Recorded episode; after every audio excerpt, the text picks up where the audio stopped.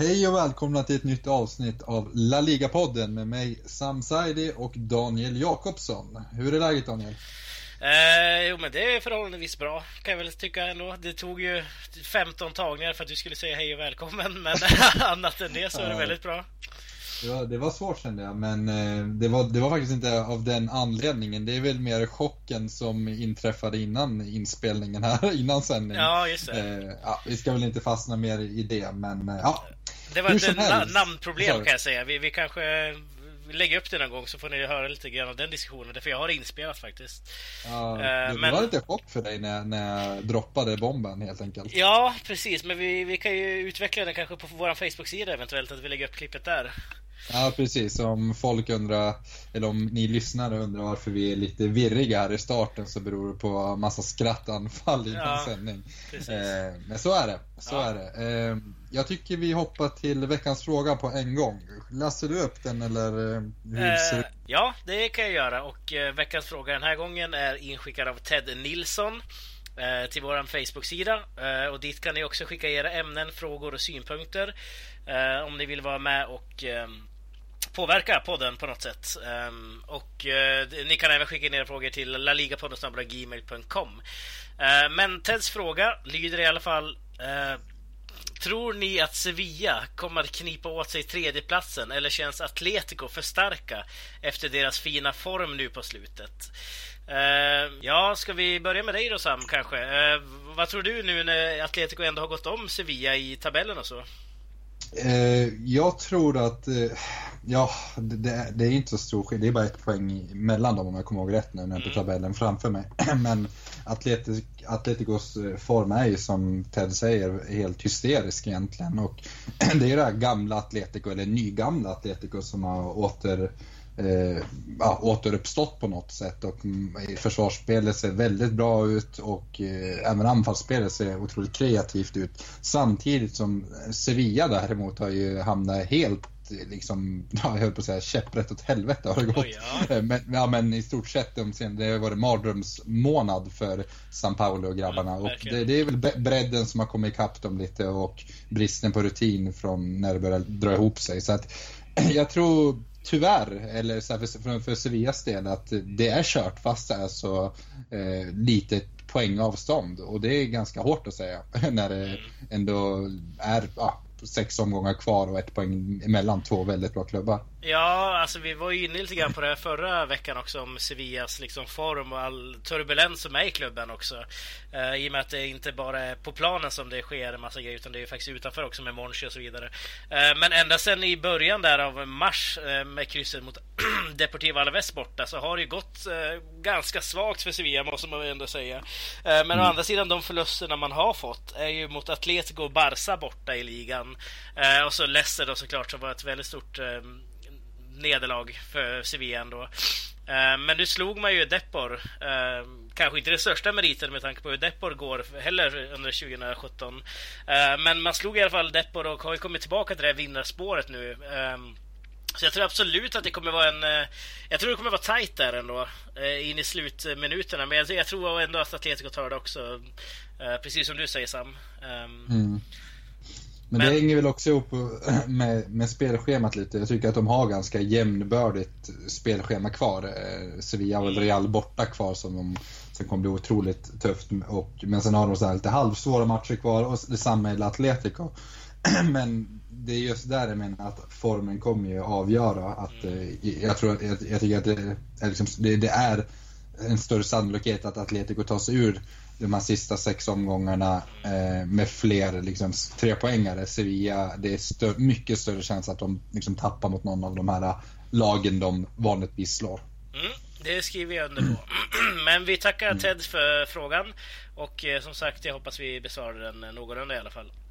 Eh, men eh, annat som hände, en väldigt tråkig nyhet tycker jag ändå, eh, är ju Giuseppe Rossi.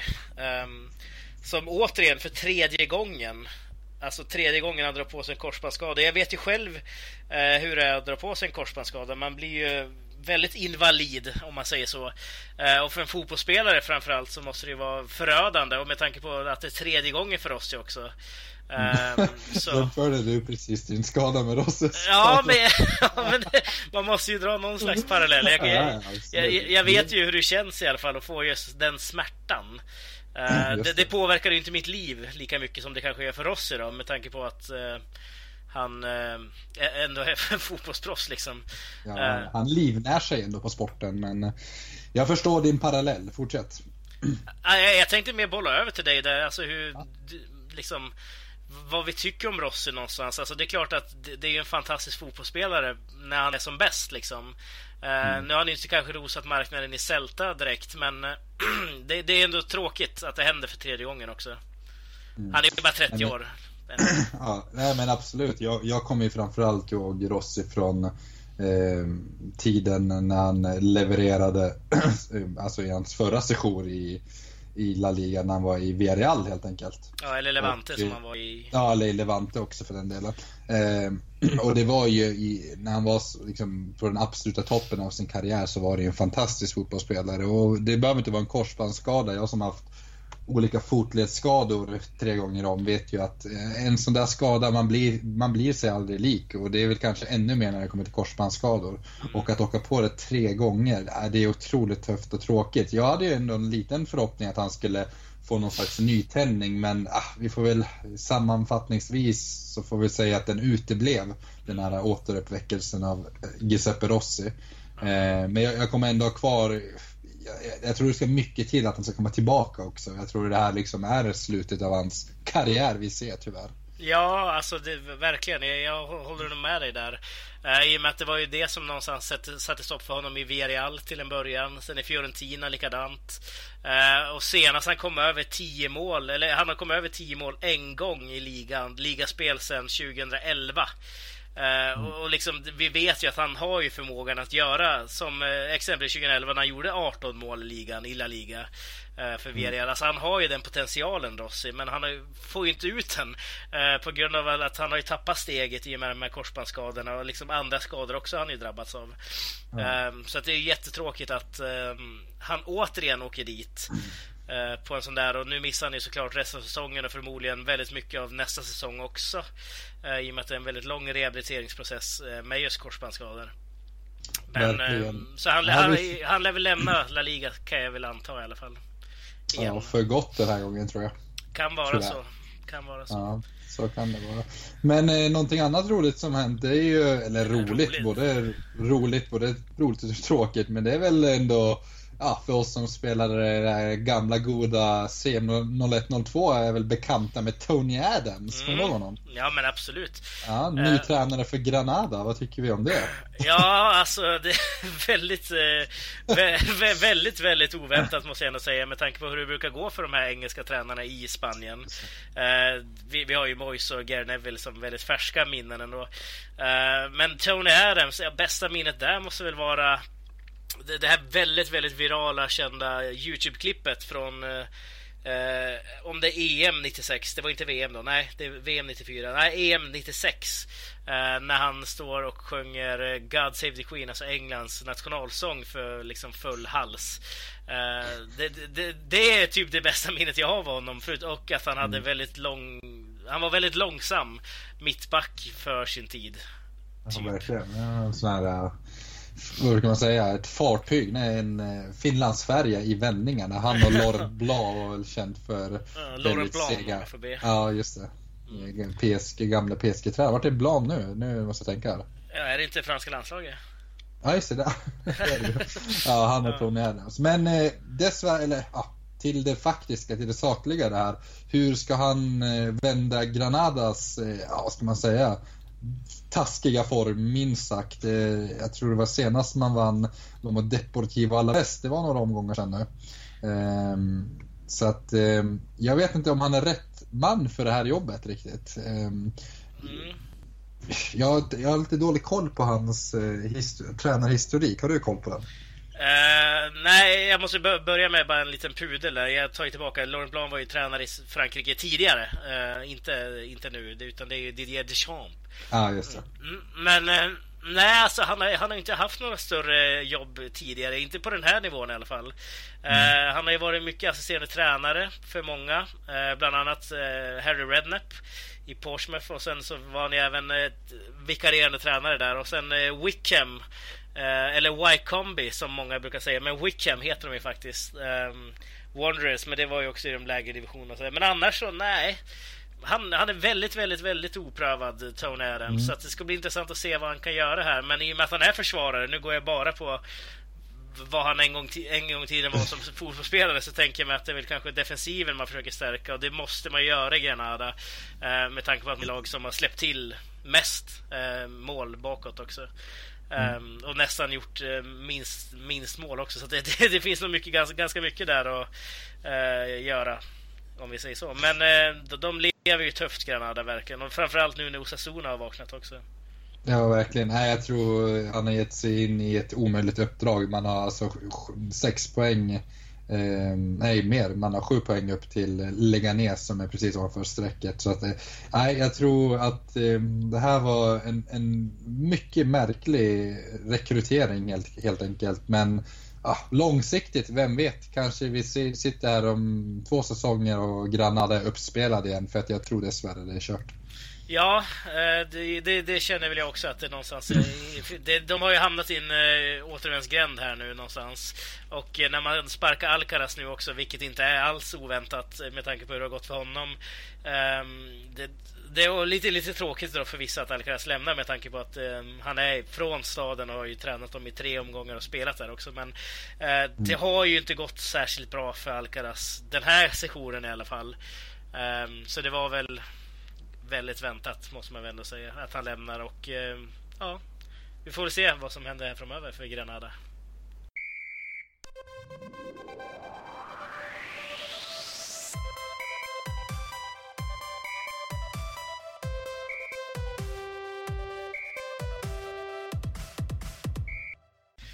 Ja, eh, lika återkommande som Rossis eh, korsbandsskador kan man väl nästan säga att Barcelonas eh, återkommande floppveckor, om man får säga det så. Eh, de har ju börjat bli fler och fler nu, Sam. Ja, eh, den här säsongen känns det som att eh, de är väldigt kontinuerliga. Att eh, det är otroligt djupa dalar. Men inte heller, nu när jag tänker efter, inte så höga toppar heller. Men det är eh, verkligen natt och dag om man säger så. Hopp och mm. förtvivlan och eh, ja, det är ännu en sån vecka. Får vi se om vi sitter här om två veckor och har en sån här eh, euforisk vecka igen. Eh, det, det, det, skulle inte heller förvåna mig för man, jag vet inte vart man... Det var länge sedan jag såg ett sånt där förvirrat Barcelona om vi säger så. Ja, alltså verkligen. Alltså, om man, eh, ja, men det är som du säger, det skulle vara väldigt intressant nu om man går och slår Real Sociedad med låt säga 6-0, för det kan ju bara se göra efter sådana här veck veckor. Liksom. Eh, och så vinner de över Juve med 4-0 i en återkomst. Liksom. Eh, mm. Men, men alltså, det är så här, även om det händer så mm. alltså, det rättfärdiga är ju inte de här dipparna, de djupa dipparna mm. man ändå har när man väl har dem, tycker jag. Ja, men sedan så ska man ju också komma ihåg att den här, de här den här veckan med Paris-matchen och så. Jag sa ju det också förra podden, eh, eller om det var veckan innan det, att med, i ärlighetens namn så var det ju ingen bra match. Barcelona, alltså Barcelona gjorde ju ingen bra match mot PSG. Det var ju liksom bara något magiskt i luften och liksom en slags vilja och, och blandat med väldigt mycket tur. Ehm, och det blev någonstans som man köpte sig mer tid. För att problemet är ju mycket djupare. Det finns liksom, det är brist på idéer. Det, det, Barcelona är inget lag, det är ett gäng individualister. Och, eh, det, kunde, och det blev så tydligt både mot Malaga här och, men även mot Juventus att man har ingen idé. Folk, eller spelarna har inga tydliga roller utan det blir att man står och passar runt och hoppas att Messi eller Neymar ska hitta på någonting med lite hjälp av Suarez. Så att eh, det, det är väldigt tråkigt att se ett kanske ett av historien, eftersom det finns så många spelare kvar från det här historiska Barca, som man får kalla det, för bara sju år sedan. När, ja, jag vill låt säga mellan 08, alltså det här Pep Barca om vi kallar det så. Mm. Eh, som kanske är det bästa Barca vi har sett genom tiderna och det liksom eh, ett av de bästa lag vi har sett i liksom, modern europeisk fotboll. Och det gör ont att se många av de spelarna eh, underprestera så mycket, exempelvis Iniesta. Mm. Ja, alltså det är intressant tycker jag också. Det, det måste jag också säga. Du och jag, vi träffades ju där i lördags och mm. såg på Madrid-derbyt tillsammans. Men sen så missade jag Malaga-matchen som Barca spelade. Vi satt ju och diskuterade där och då att det kommer vara så typiskt om Barcelona nu tappar poäng mot Malaga. Du var ju helt inställd på att man skulle göra det innan matchen. Mm. Rent psykologiskt att man inte riktigt vet var Barca är och just Malaga som man har ju haft problem med Malaga tidigare också. Kan man ju mm. säga, lugnt säga, de senaste åren. Um, mm. Så att, eh, ja, hur såg du på den matchen? Jag missade ju den. Ja, det var en, eh, en ganska intressant match. Eh, om vi ska ta det från ett Malaga-perspektiv tycker jag Malaga gör en fantastiskt bra match. Sen är ju, så lyckas ju alltid Carlos Kameni växa fram till, till någon slags general där bak när, när han ställs mot Barcelona. Men eh, överlag en en välspelad match från, eh, från andaluserna och det gäller framförallt den taktiska biten som jag tycker satt perfekt. Man frustrerade Barca, man frustrerade till Neymar ett rött kort bland annat. Eh, jag tycker att man låg väldigt rätt i sina positioner.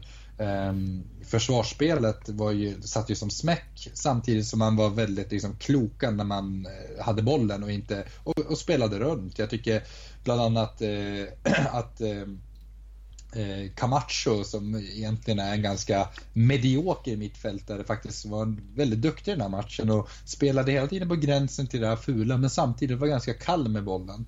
Eh, samtidigt så tycker jag att eh, eh Sandro Ramirez låg ju där på rulle hela tiden samtidigt som eh, Recio på mitten eh, tillsammans med Fornal ja, men i stort sett åt upp Barcelonas mittfält och det är där Barcelona är som svagast. De har ju inget mittfält kvar längre.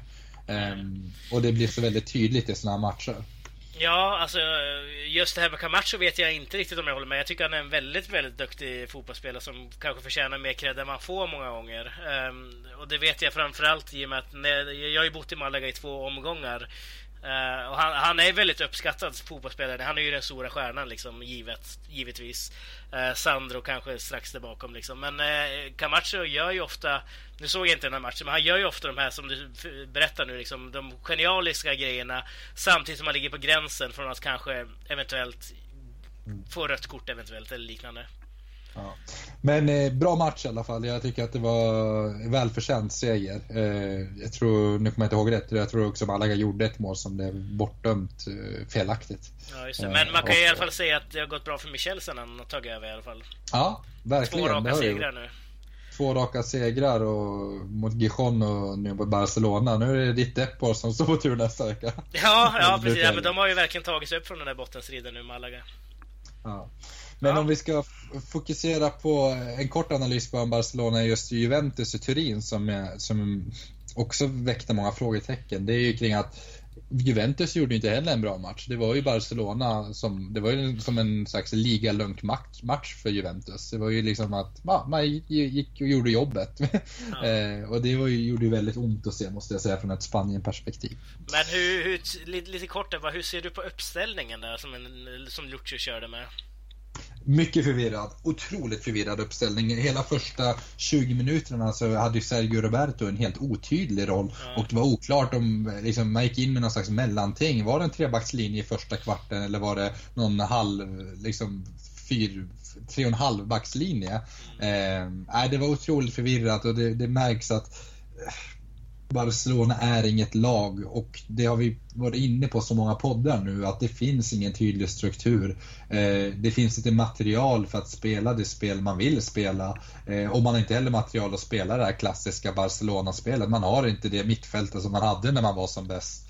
Eh, och man har inte den strukturen och idéerna från tränarhåll. Och, äh, det, det, är väldigt tråkigt, det är ont att se.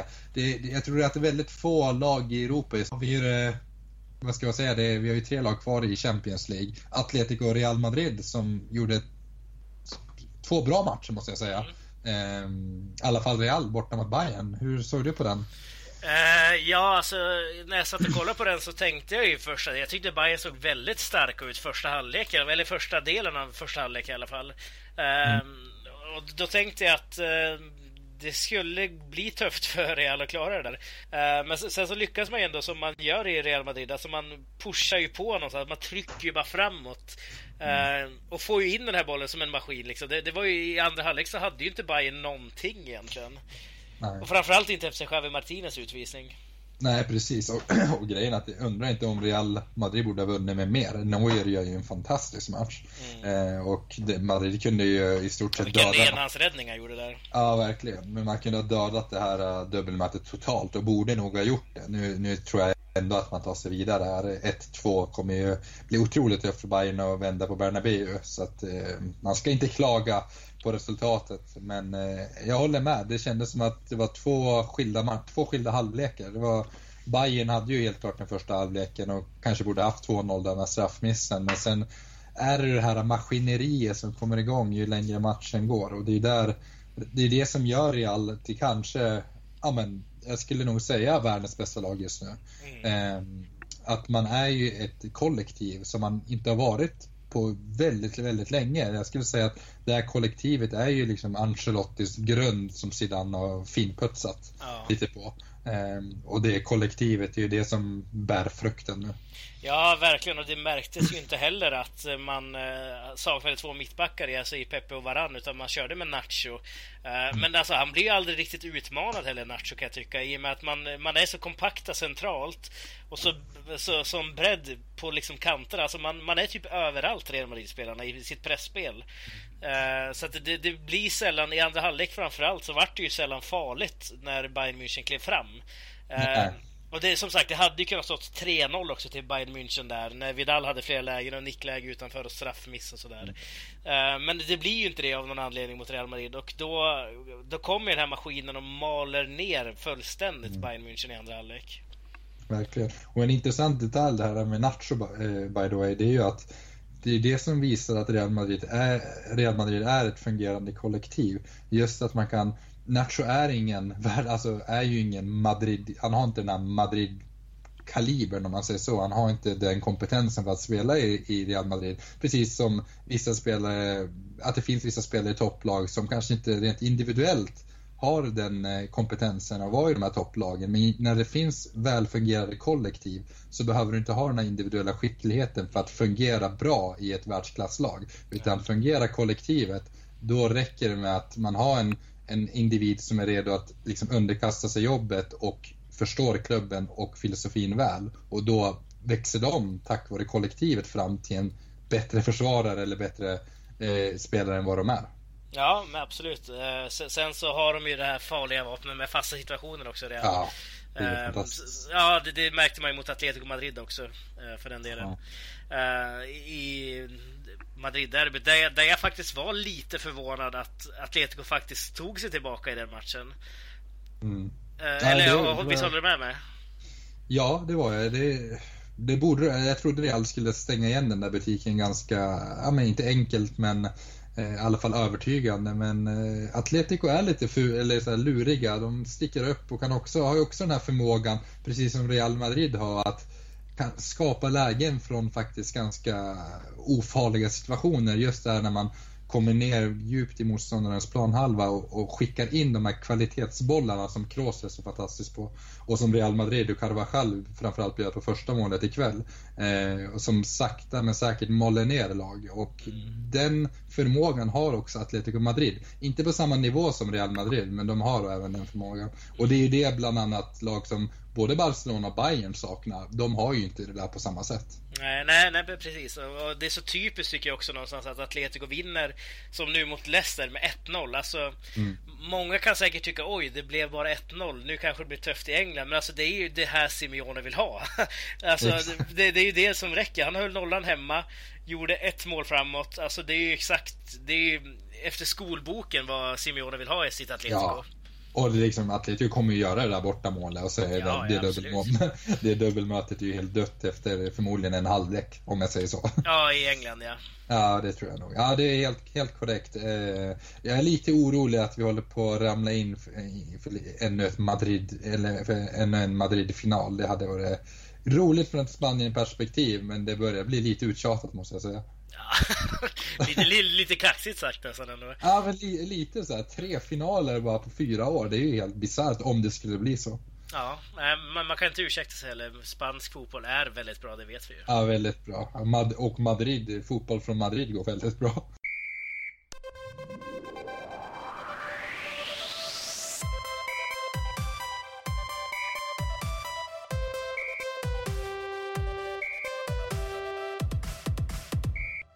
Ja, om vi släpper Europa för ett tag så tänker jag att vi kan kika lite längre ner i tabellen i den spanska ligan. Eh, jag tycker vi ska kolla på, eller längre ner, ja. Vi, mm. Valencia är väl någonstans i mitten, men jag tänkte att vi ska spåna lite i det här ryktet om Berizzo till Valencia. Det, mm. det, det, var någonting jag reagerade på i nyhetsflödet och något som jag faktiskt rent spontant tyckte, ja men det, det låter som en väldigt intressant idé. Jag tror Berizzo skulle vara rätt man för jobbet. Å andra sidan så tror jag inte det kanske är det smartaste draget med tanke på affären med, med Oriana där, eller Nej. dispyten. Det, det, skulle ju vara så typiskt för Oriana om Berizzo kommer tillbaka. ja. Det är svårt att förfölja honom. ja men verkligen, alltså det, det, det är väldigt ironiskt om det skulle hända. Uh, men jag, tänker att uh, Peter Lim har väl inget större Um, tankar på det egentligen. Alltså, jag tror, alltså, han har ju förlorat ganska mycket i Valencia när det gäller liksom cred och så vidare. Uh, och just Voro är ju väldigt uppskattad i Valencia. Nu har han tre raka segrar också. Så kommer det här ryktet om att de har kontaktat Berizzo liksom. Uh, som mm. dessutom har en beef med Oriana som du säger. Och uh, nej, jag, jag, vet inte. Alltså, Celta har ju gått sisådär i år, måste man ju väl säga. Um, I Europa League går det desto bättre. De spelar ju nu imorgon eller idag när det här sänds. Då. Um, så att det, jag tror att det skulle vara ett större tapp för Celta ändå, trots att det har gått som det har gjort, än vad det skulle vara en större vinst för Valencia om du förstår vad jag menar. Mm. Uh, därför det är också så här, Berizzo, han roterar ju otroligt mycket i sina lag. Uh, framförallt i Celta det här året. Uh, och Valencia är ändå ett lag som ska sikta mot Europa framöver. Eh, så långsiktigt så måste ju ursäkta, eh, måste ju dessutom Valencia i så fall investera mycket mer och då måste ju Peter Lim bli mer aktiv och man måste få igång hela föreningen igen. Eh, mm. Så långsiktigt eventuellt om, om man får en bredare spelartrupp och framförallt en ny anfallare även om Sasa har gått ganska bra nu. Men man måste bredda truppen om Berizzo ska in, så tycker jag i alla fall. Ja, men det, du har helt rätt i din analys där att eh, egentligen spelar det kortsiktigt spelar det ingen roll vem som sitter på den här tränarbänken för Valencias problem är ju inte på planen. Eller det är ju på planen men det som sker på planen är ju ett, är ju ett symptom av en större problematik som är utanför planen. Eh, så att det spelar ju egentligen ingen roll om det är Voro eller mm. om det är eh, Berizzo som sitter där idag. Så att eh, jag tycker man ska köra vidare på Voro. Nu har han ju hittat någon slags skön form med tre raka vinster och han känner klubben in och ut. Jag tror att när inte strukturen fungerar i klubben då är det bra att ha en tränare som känner klubben och kan liksom ingjuta det här lugnet på planen. Eller på planet. Ja, men det, har, det har det ju ändå gjort tycker jag också. Alltså, jag menar, man, ja. man märker det på Valencia, eh, kanske, framförallt runt om liksom, klubben. Nu är det ju inte de här stora protesterna längre. Eh, det är ju inte de här liksom, supporterkravallerna, eller vad man ska kalla det. Eh, som det var under exempelvis Nuno Espirito Santo, eller Gary Neville för den delen. Ehm, då var det ju mycket större liksom ehm, det, det hände ju mycket mer runt omkring klubben. Nu med vår så har man ju lugnat det, man har tagit ner den någon nivå. Eh, får man in Berizzo som är en hetlevrad tränare så då kanske man blossar upp det här igen. Eh, mm. Så jag, jag, tror att det är farligt spel ifall man tar in Berizzo till sommaren. Mm. Ja, det blir bättre med Berizzo när klubben mår bättre, helt enkelt. Ja, jag tror vi summerar ja. så. Ja, eh, men eh, apropå klubbar som mår lite bättre så har vi ju Alltså det är ju lite kul om man kollar på tabellen just nu så har vi alltså 6, 7, 8 är alltså de tre baskiska lagen. Vi har ju även Alaves då, men vi har tre baskiska lag i, eh, på 6, 7, 8, alltså på de här som slåss om Europaplatserna. Eh, mm. Uh, och det, det, är som, det, är inte så konstigt att Sociedad eller Atletic är där, men det mest intressanta är väl att Eibar är där uppe och slåss. Uh, mm. Och att man faktiskt sitter på sjunde platsen just nu. Gått om Atletic Bilbao. Och då ska vi säga att Eibar, det är ju en lite sån här förbiort kan man väl säga. Om vi, om vi säger att man åker mellan nu tar jag väl där jag kommer ifrån, mellan Sundsvall och uh, Övik så säger vi att Härnösand är förbiorten och det, det, är ju den slags orten som Eibar är också. Uh, alltså det, det bor 50, inte ens 50 000, jag tror det bor ännu färre i den där staden och de har alltså gått om giganten Athletic Bilbao just nu mm. i den regionen, vilket är väldigt imponerande måste man ändå säga. Det är otroligt imponerande och eh, hela klubben i Bar är en, en framgångssaga. Eh, och det har det varit de senaste säsongerna, även om man hade det här, eh, ja, den här formdippen som gjorde att man egentligen åkte ut för några säsonger sedan. Men nu är man ju ett etablerat La Liga-lag och som du säger, de är med och slåss i, i, i, om, Europaplats, om Europaplatserna och jag skulle säga att Eibar börjar sakta få någon slags erkännande. Det måste, vi måste ge dem ett erkännande. De är, de är med och slåss om de här eftertraktade platserna och jag tycker det är intressant hur man har kunnat ersatt sin och nu tappar jag namnet på målskytten från förra året. Eh, Borja Baston. Baston. Ja. Just det, Borja Baston. Eh, och, och då kliver liksom Sergej Enrich in och liksom trycker in tio bollar utan att, ja, vem är det liksom? Vart kommer han ifrån? Och det är ju bara de här framgångssagorna som, ja men, man kan jämföra lite med Leicester som får fram Vardy från ingenstans. Mm. Och man kan väl säga att Eibar har väl eh, med ännu mindre medel lyckats göra något liknande. Ja, verkligen. Alltså den, eh, Kanske inte vinna titeln, men... Nej, det, där, nej, men alltså det, alltså sett till klubbens liksom, ekonomiska situation så ligger man ju ännu sämre till än vad Leicester gjorde. Äh, egentligen. Alltså, det här är ju liksom den minsta klubben vi någonsin har haft i La Liga. Det får man inte glömma bort heller. Det är alltså 7000 som kom in på arenan. Eh, det är en klubb som fick söka stöd av sina supportrar för att ens få spela eh, i den här eh, i La Liga till att börja med när de gick upp för första gången. Och nu har man alltså lockat till sig en spelare som Pedro Leon som, som vi kommer mm. ihåg Eh, Eh, som eh, har gjort det fantastiskt bra för Eibar. Eh, alltså den här, han, har ju blivit, han är ju tillsammans med Enrich då den stora målskytten i Eibar. spottat in tio mål, har han aldrig gjort tidigare. Inte ens i Getafe och framförallt inte när han var i Real Madrid. Det gick ju lite sådär där. men alltså, han har ju verkligen fått ett, ett lyft i sin karriär igen efter de något sämre sessionerna de senaste åren här. så att jag, jag tycker Eibar har någonting Alltså det, det, är ju en väldigt charmig klubb på väldigt många sätt. Uh, mm. Och att de just uh, liksom har de här eh, färgerna till att börja med, om vi säger så. Nu sympatiserar ju inte jag med Barcelona, men att man fortfarande har, det var ju långt tillbaka i tiden när man tog Barsas uh, matchkläder för att, till någon match när man inte själva hade kläder. och sen dess har man kört på de här Barca-färgerna liksom. Mm. Um, så att mycket charmig klubb och jag hoppas faktiskt att de tar sig ut i Europa. Det skulle vara jätteroligt för hela staden tror jag. Ja, vilken chock för lagen i Europa kommer att spela i Eibar av alla ja, ja, men alltså ponera att United tar sig till Europa League igen och så ska de åka till Eibar liksom. Det är ju fantastiskt. Ja, verkligen, verkligen.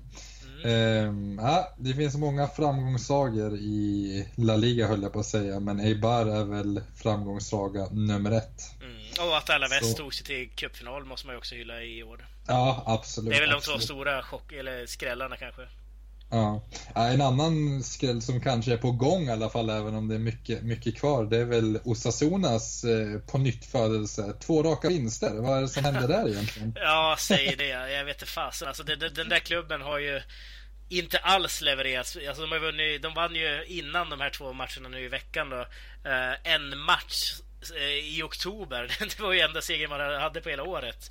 Eh, och nu har man alltså vunnit två då. Och man, eh, jag vet inte, man, det var ju ett tag sedan han tog över nu, Vasiljevic. Och man, har ju kört på med honom nu i, alltså sen i januari, trots att man inte har vunnit en enda match. Ehm, så att jag vet inte. Jag, de håller sig inte kvar, det tror jag inte. Det skulle, jag har Nej. väldigt svårt att tro det. Men alltså det, det är ändå imponerande och, att man gör det här. Eh, och tydligt är väl ändå att man har en eh, anfallare som Sergio Leon som gör 10 mål eh, i jämförelse med de andra som inte har rosat marknaden direkt. Oriel Riera som är utlånad från Deportivo bland annat trodde jag mer på. Mm. Ja, och nu tror jag dessvärre att Akenes Rogman lägger ner så Alaves, men nu ska man till Vicente Calderon nästa match och då kommer väl musterna sugas ur igen och man är tillbaka på förlorarspåret. Men matchen efter det är otroligt intressant. Då är det en Gijon som kommer till Pamplona och vinner man där och låt säga, nej, sen är det ju Barcelona trots allt. Nej, det, det, det, det är nog kört då. Ja, nej, det, är, alltså det, det är... det är liksom 10, 10 poäng upp till Leganes på sex matcher. Det ska otroligt mycket till. Alltså, det, det, är ändå intressant när man kollar på spelschemat för Osasuna nu som är kvar. Eh, de hemmamatcher man har kvar är alla mot bottenkonkurrenterna. Eh, det är mm. Sporting Gijon, det är Deportivo och så är det Granada man har kvar hemma. Mm. Ehm, så att det är liksom, tar man nio poäng där Um, så det, räcker ju fortfarande inte liksom. Men man, nio poäng där och så kanske man tar skräller mot, låt säga Valencia eller Sevilla borta eller något sånt där. Uh, då klarar man sig ju. Men det, är, det, är, det återstår ju inte så mycket ja. den här säsongen. Så det, och det, det förutsätter ju att lägga ner så de andra går ju helt eh, på nitlotten och förlorar varenda match. Jag, det tror jag att lägga ner så framförallt kommer liksom grisa till sig något poäng i alla fall. Ja, precis. Ja. Grisa höll jag på att säga. Nu spelar de ganska attraktiv fotboll stundtals. ja, de gjorde en bra match mot Real Madrid nu senast. Eller näst. Ja, verkligen. Ja. Eh, men eh, okej, okay. vi kanske ska börja runda av här när jag kollar på klockan faktiskt. Vi kan ju tippa veckans match i alla fall. Eh, mm. Kommer du ihåg vad vi tippade förra veckan? Nej, jag kommer inte ihåg. Kan, vill du Ja men, om du, om, ja, men om du tänker efter, vilken match tror du vi tippade? Jag tror det var Madrid-derbyt och ja. jag tror att jag tippade Jag tippade nog på Real-seger tror jag. Ja, det gjorde jag. Ja, vi, vi tippade ju Madrid-derbyt, Real mot Atletico, en match som slutade 1-1. Uh, eh, mm. Du Sam tippade i 2-1. Mm. Um, vet du vad jag det borde det ha blivit. vet du vad jag tippade? 1-1. Jag tippade 1-1 faktiskt, ja. ja okay. Det var uh, både resultat och mål korrekt. Ja, jag satt den helt alltså. Det är väldigt, jag tror det är tredje gången kanske jag har gjort det totalt. Uh, om ens det, kanske andra. Jag vet inte. Men uh, ja, men det, den matchen var ju väldigt... Ja, inte, inte den mest underhållande matchen vi har sett tillsammans kanske, men det var ändå en spännande match på sitt sätt. Mm. kan man ju fastslå. Men den här gången så är det jag som väljer. Förra veckan var det du som valde den matchen. Um, så den här gången så väljer jag veckans match. Uh, och det är då nu på, låt se. Uh, det är Valencia mot Sevilla nu på söndag tänkte jag. Mm. Börjar du? Vad tro ja, jag tror att uh, Valencia kommer ta det där. Mm. Eh, apropå Teds fråga så är det ju här ett exempel där, som kommer visa att varför inte eh, Sevilla kommer att orka med Atletico om tredjeplatsen. För att Valencia och Voro kommer ta tre poäng med en stabil 3-1-seger. Oj då, 3-1. Mm. Uh, jag tänker ju mig att Sevilla um, är ju ganska erkänt svaga på bortaplan. Det är de ju. Uh, Valencia är ju, har, har, ju bra form förvisso, men uh, de, de, är också lite zigzackiga i sitt uh, spel många gånger. så jag tänker att det blir oavgjort här faktiskt. Jag tar 2-2 tippar jag. Faktiskt. Ja, det är inget dumt. Dumt. Nej, vi får väl se, se vad som händer där helt enkelt på söndag. Mm. Men det är, en spännande match oavsett att kolla på tror jag. Absolut, den måste vi följa i helgen och se mm. uh, vad som händer. Ska du köra din veckolista då? Yes, eh, jag börjar med veckans Stockiero och det, det, hittade jag faktiskt från Madrid-derbyt och eh, jag, måste ge det till Stefan Savic otroliga räddning på mållinjen. Eh, när Ronaldo avfyrar skott som går förbi Oblak på väg stenhårt in i mål och sen så dyker Savic in där och räddar precis på mållinjen med huvudet. Det var otroligt häftigt att se. Det var, nej, det, det förtjänar i alla fall en Tokiero i vår podd. Ja, jag tror vi sa det på en gång när det hände också, att det där är ju bara ja. den räddningen i sig. Även vad, spelar ingen roll vad matchen slutar så blir det liksom eh, veckans hockey. Och när det hände också och efter matchen så tänkte vi någonstans att det där kanske var ligaavgörande. Eh, I och med att Barcelona helt plötsligt kunde få allting i si, sina egna händer. Sen så kastade man ju bort det då eh, mot Malaga. Men eh, när det hände så var det ju väldigt avgörande. Verkligen, verkligen. Och eh, precis som du är inne på så får vi väl ge det precis som vi gjorde när Barcelona hade den förra floppveckan.